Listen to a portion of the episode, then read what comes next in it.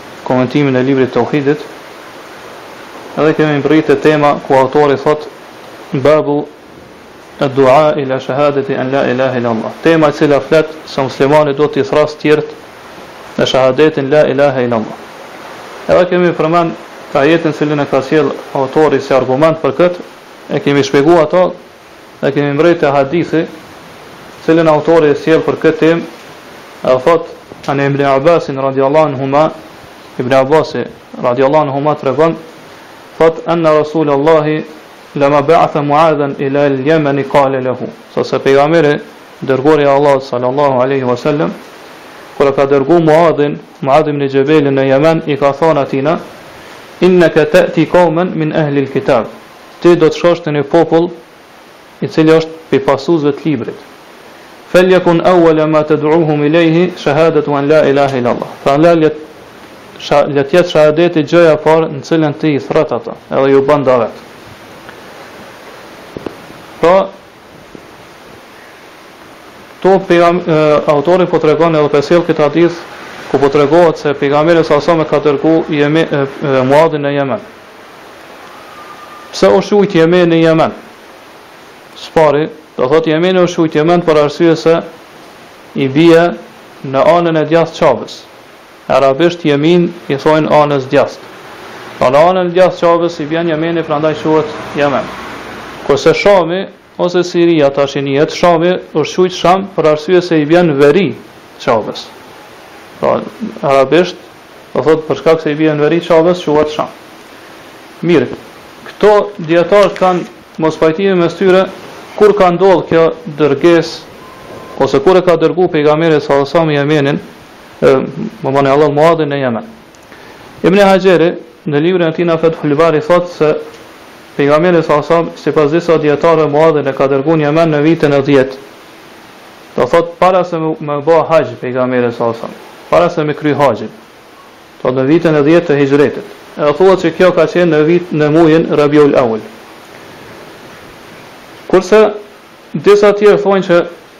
Pejgamberi sa sa Muadhin e ka dërgu në fund të vitit nëntë, pra të Hijretit, pas kthimit prej betejës së Tebukut. Edhe këtë e transmeton el-Waqidiu me sened tina prej Ka'b ibn Malikut, radijallahu anhu. Kurse Ibn Sa'di në Tabekate thotë se kjo ka ndodh në vitin e dhjetë mirëpo në muajin Rabiul Akhir. Ai gjithashtu tregon se disa prej dijetarëve kanë thënë që kjo ka ndodhur në vitin e tetë, pasi që Pejgamberi sallallahu alejhi wasallam e ka çliru Qaben, pasi që Pejgamberi sallallahu alejhi wasallam e ka çliru Mekën. Këto janë disa prej mendimeve dijetarëve rreth kësaj kur ka ndodhur kjo ngjarje. Mirpo gjithë janë n'pajtueshmëri që Muadhi do thotë është kthy prej Jemenit në kohën e Ebu Bekrit, edhe pastaj pastaj ka shku në Sham edhe aty ka vdek, radijallahu anhu. Pastaj dijetarët kanë mospajtime gjithashtu se a ka qenë Muadhi Wali, do thotë udhëheqës i Jemenit apo ka qenë vetëm gjykatës në Jemen. Ibn Abdul Barri ka mendimin që ka qenë vetëm gjykatës. Kurse El Ghassani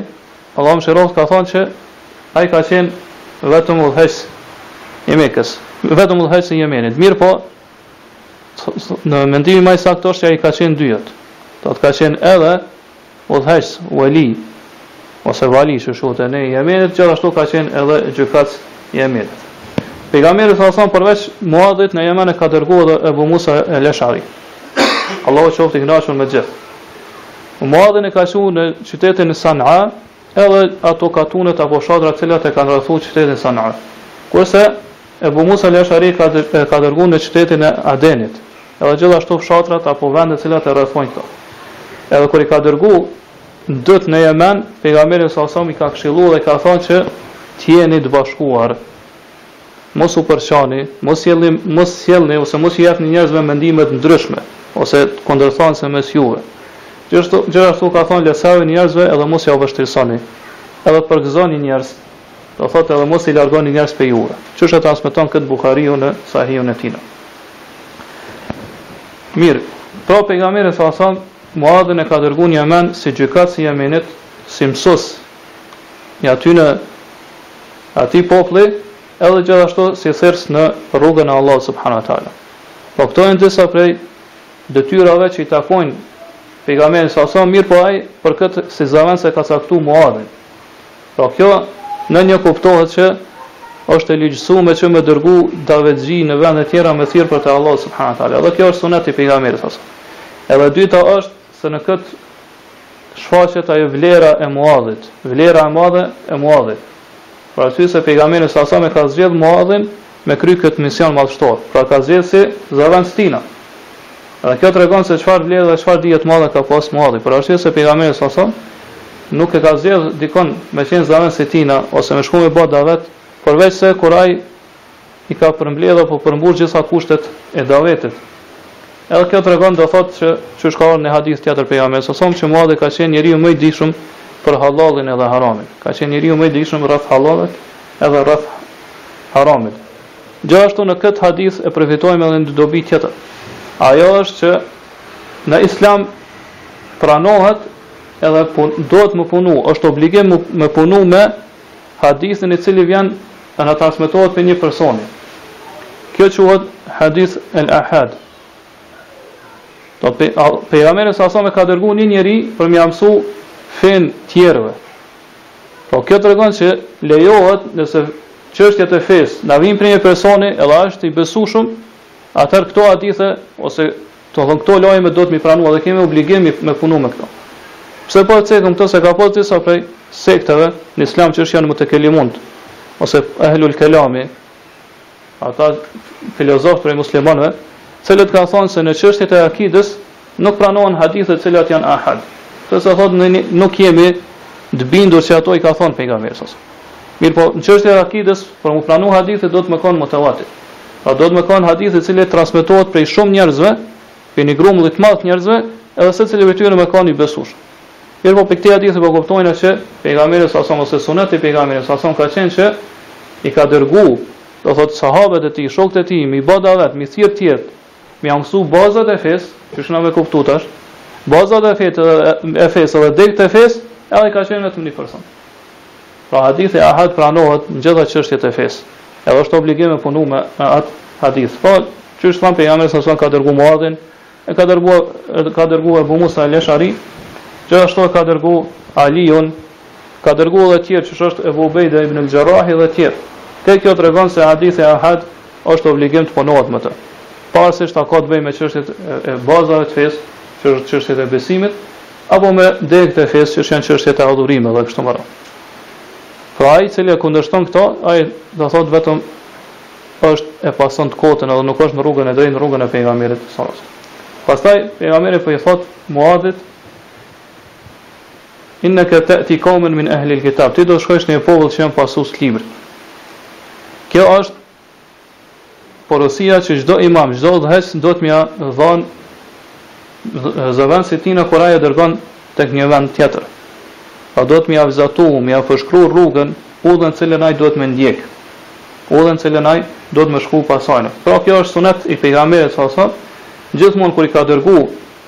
njerëzit kur i ka dërgu sahabet shokët e tina për me ba davet me thirr n'rrugën e Allahut subhane teala apo për çështje tjera për shembull si në ushtri e kështu me radh pejgamberi sa sa ju ka lan ju ka dhon këshilla ju ka dhon udhëzime e kështu me radh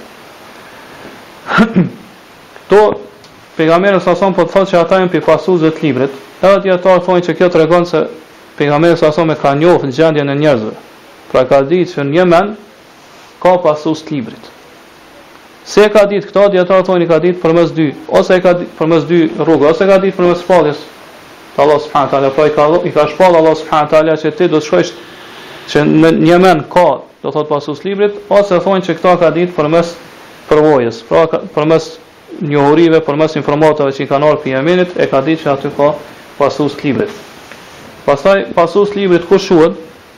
Po pasus librit janë hebrejtë dhe të krishterët. Pse quhen pasus librit për arsye se te këta janë zbrit Tevrati edhe Inxhili, pra dy libra të Allahut subhanahu wa taala. Tevrati i ka zbrit Muses alejhi selam, kurse Inxhili i ka zbrit Ises alejhi selam. Edhe janë quajt do thotë pasus këtyne dy dy pejgamberëve apo janë quajt si pasus librit që ju kanë zbrit këtyre dy pejgamberëve. Pra janë quajt kështu për mi dallu prej idhujtarëve.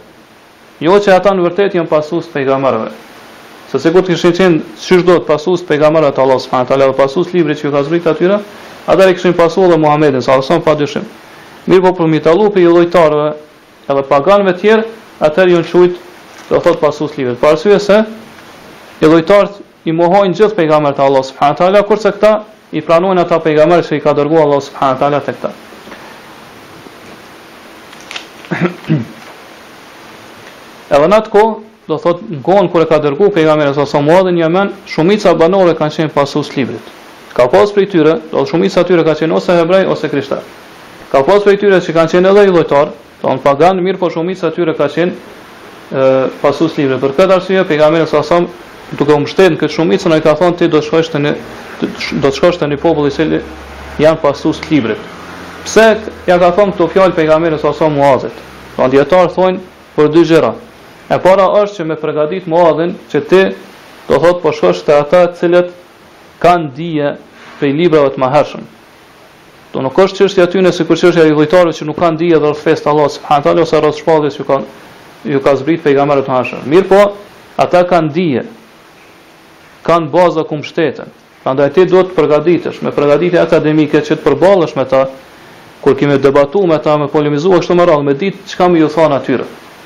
Edhe e dyta thonë që prej kësaj kuptohet që davetxhia ka obligim me njohë gjendjen e atyre që ju bën davet. Pra kjo është menhexhi të cilin e ka vendos pejgamberi sa sa për davetxhinë. Pra me njoft, me ditë gjendjen e atyre të cilët ju drejtohet me davet. Edhe secilin do thotë me ju fol fjalë që ju përshtaten ose e pranon truri i tyre. I pranon fjalët e tyre, do thotë e, e ka e, kapacitet që me pranu ato fjalë të cilat po ja thotë. Pra mos me fol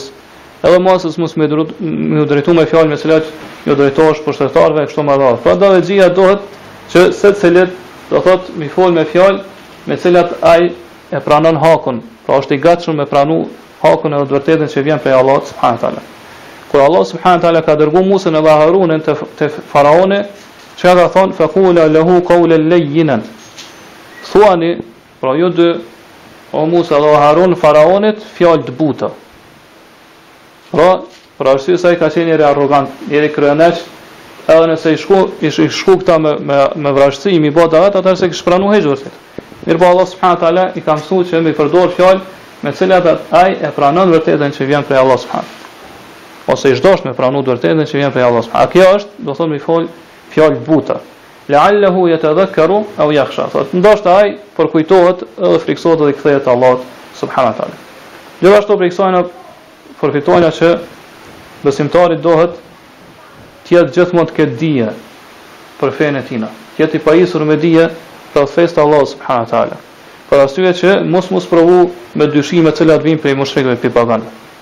Mirëpo të ketë dije të mjaftueshme, dije të bollshme, në mënyrë që m'i kundërshtu dhe m'i kundërpërgjigj atyre dyshimeve. Po, muslimani dohet që të largohet prej dyshimeve,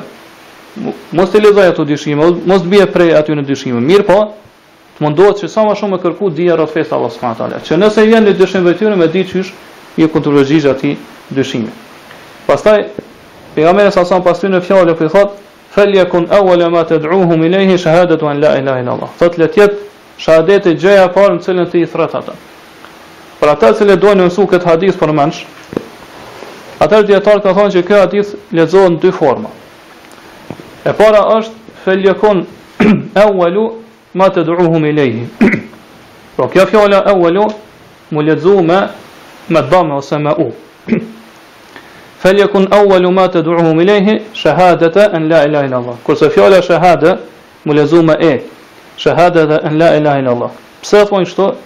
Se kjo folja felyekun le të jetë ka kryefjalë dhe kallëzues. Dhe sipas kësaj kryefjala e kësaj folje është ewalu ma ted'uhum, le të jetë gjëja e parë t'cilën i thret ti Shahadeti, la ilahe illa Allah. Atëherë shahadeti vjen si kallëzues. Edhe sipas kësaj thot pejgamberi sa ka dashur me mësu vetëm gjën e parë në cilën e thirr. Po sipas dy leximeve kuptimi është i njëjtë. Sipas dy leximeve del që kuptimi është i njëjtë. Pra gjëja e parë në cilën i thirr ata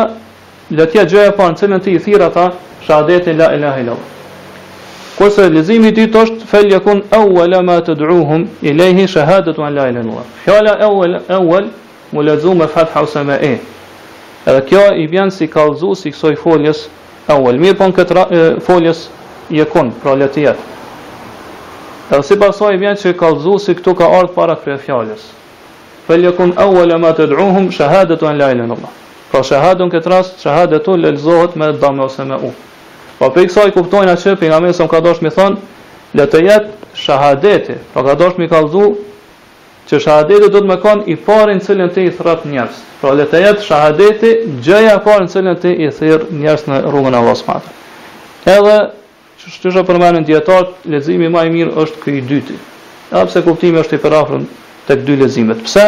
Sepse shahadeti është gjëja më madhore, shahadeti është gjëja në të cilën synohet, prandaj për këtë duhet që me shahadet me fillu. Pra në çdo aspekt, le të jetë shahadeti gjëja e parë në të cilën ti i thërret njerëzit në rrugën e Allahut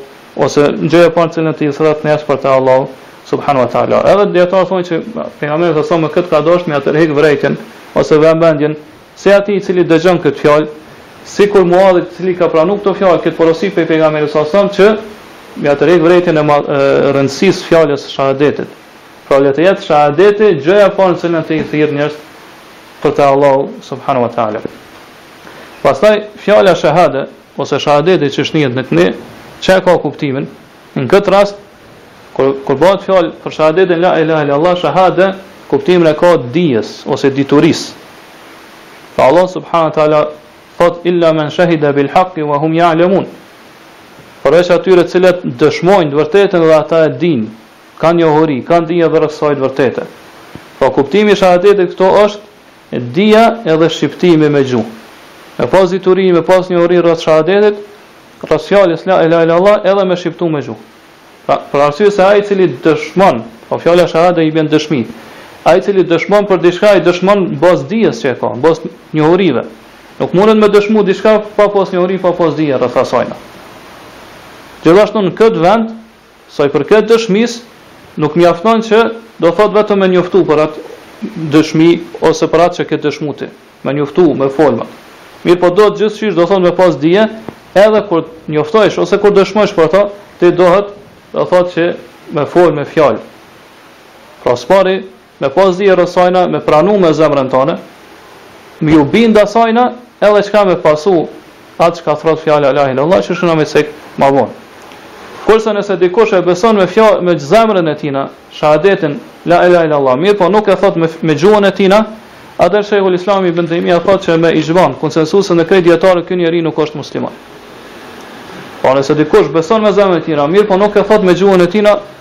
Shejhul Islami thotë që ky njeri nuk është musliman. E kjo është me ixhmaun apo konsensusin e krejt dijetarëve. Për arsye se, qysh thamë edhe më herët, fjala, e sqaron Shejhul Islami thotë fjala Shehade do thotë dëshmi e kjo tregon për njoftim. Kur ti don me dëshmu, dëshmu diçka që e ke në zemrën tënde, atëherë kjo përfshin që ti duhet me fol me gjuhën tënde. Patjetër, nuk mjafton vetëm nijeti ose qëllimi i mirë. Kjo nuk i bën dobi njeriut. Duhet gjithqysh ai Do thotë me fol me me gjuhën e tij, me thon këto me gjuhën e tij. Pejgamberi sa sa kur ka shku e ka vizitu axhin e tij, ai i cili ka qenë duke vdekë. Pra ai i cili ka vdekë si mushrik, si idhujtar, Ebu Talibin, nuk i ka thonë beso në fjalën la ilahe illallah, mirëpo çka i ka thonë? Thuaj,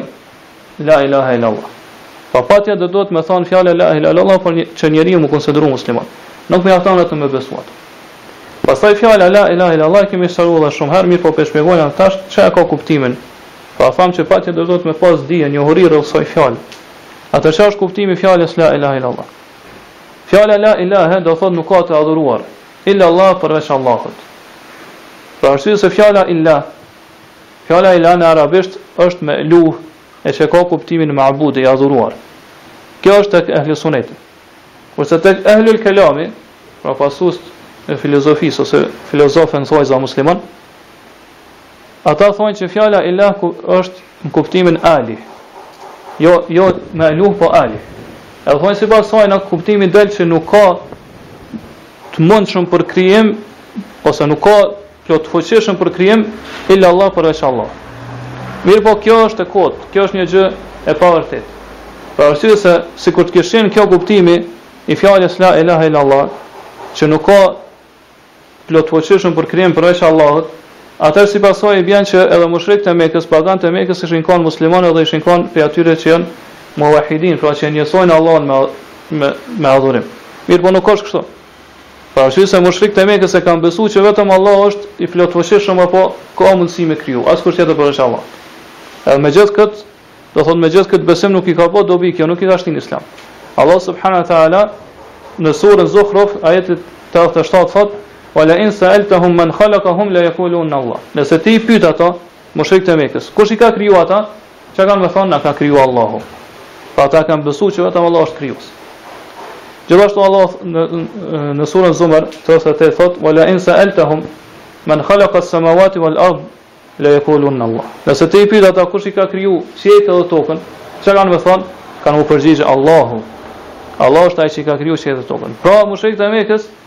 E kanë besuar që vetëm Allahu është ai i cili krijon, vetëm Allahu është i plotfuqishëm, ai që ka mundësi me krijuar askush tjetër përveç tijna. Mirpo megjithkëtë kjo nuk i ka bërë musliman.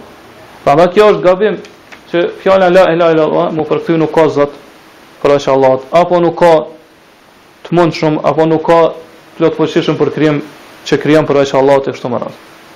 Mirpo nëse dikush pyet, thotë, nëse themi që ne nëse përkthejmë fjalën la ilaha illa Allah nuk ka të adhuruar përveç Allahut,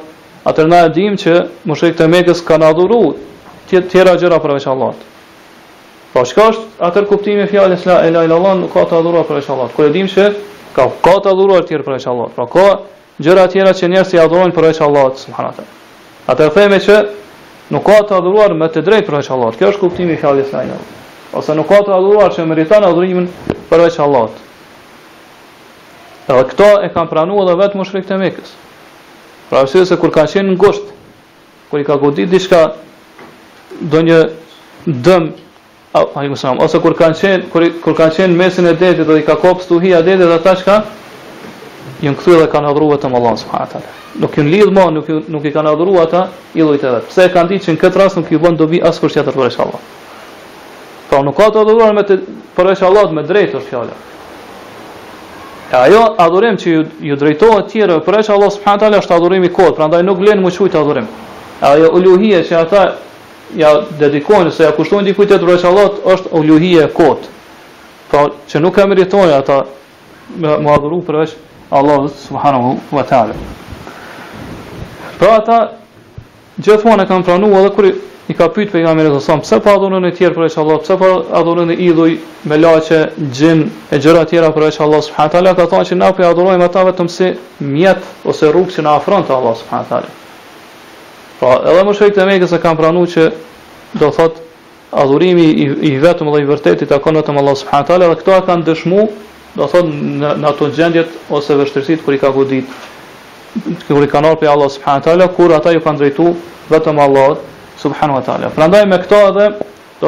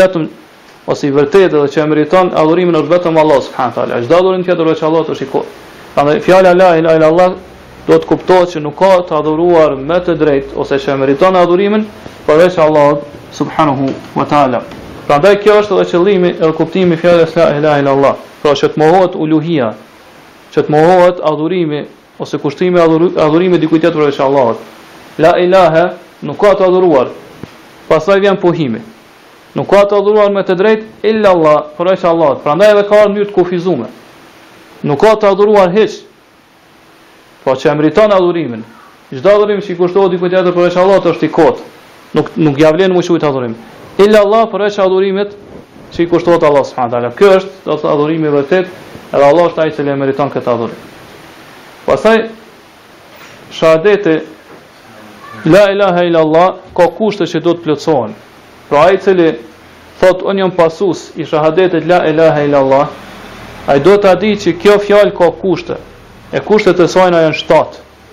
Pra nuk të bën dy, nuk të bën dobi fjala la ilahe illa Allah nëse e thu me gjuhën tënde, nëse ti nuk i plotëson edhe nuk bashkon me këtyre shtatë kushteve. E para është ajo që e thamë herët, dija,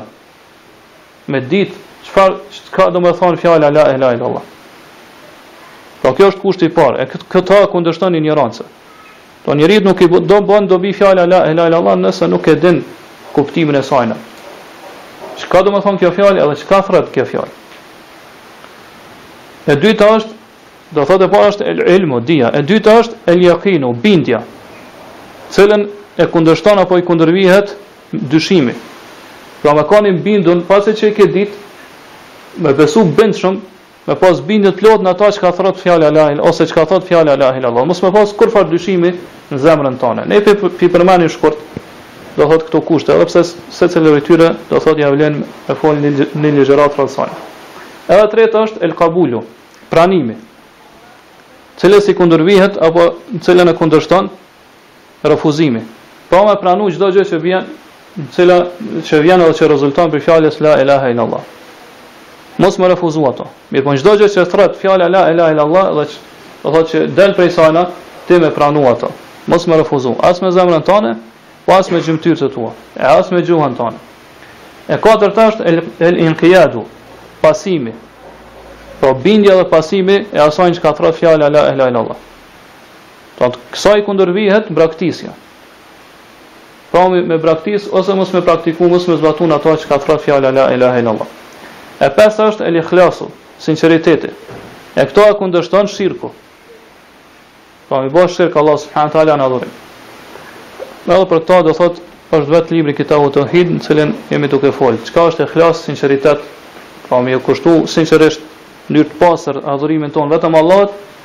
Edhe apo mi ba çka është shirku mi ba shirk Allahut subhane teala në këtë adhurim.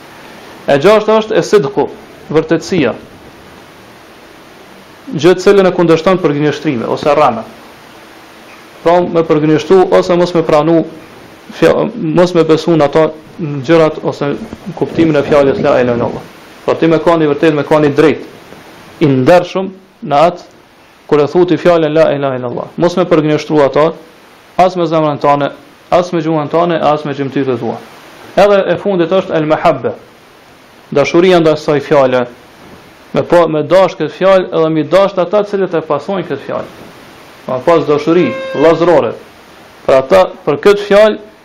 Edhe për ata të cilët e thonë këtë fjalë dhe e zbatojnë këtë fjalë apo e pranojnë këtë fjalë. E kundërta e kësaj është mosdashuria apo mospëlqimi, urrejtja e kështu me radhë. Po prej këtij hadithi na po e kuptojmë që çështja e parë në cilën duhet t'i kushtohet rëndësi në davetin tonë, në thirrjen tonë është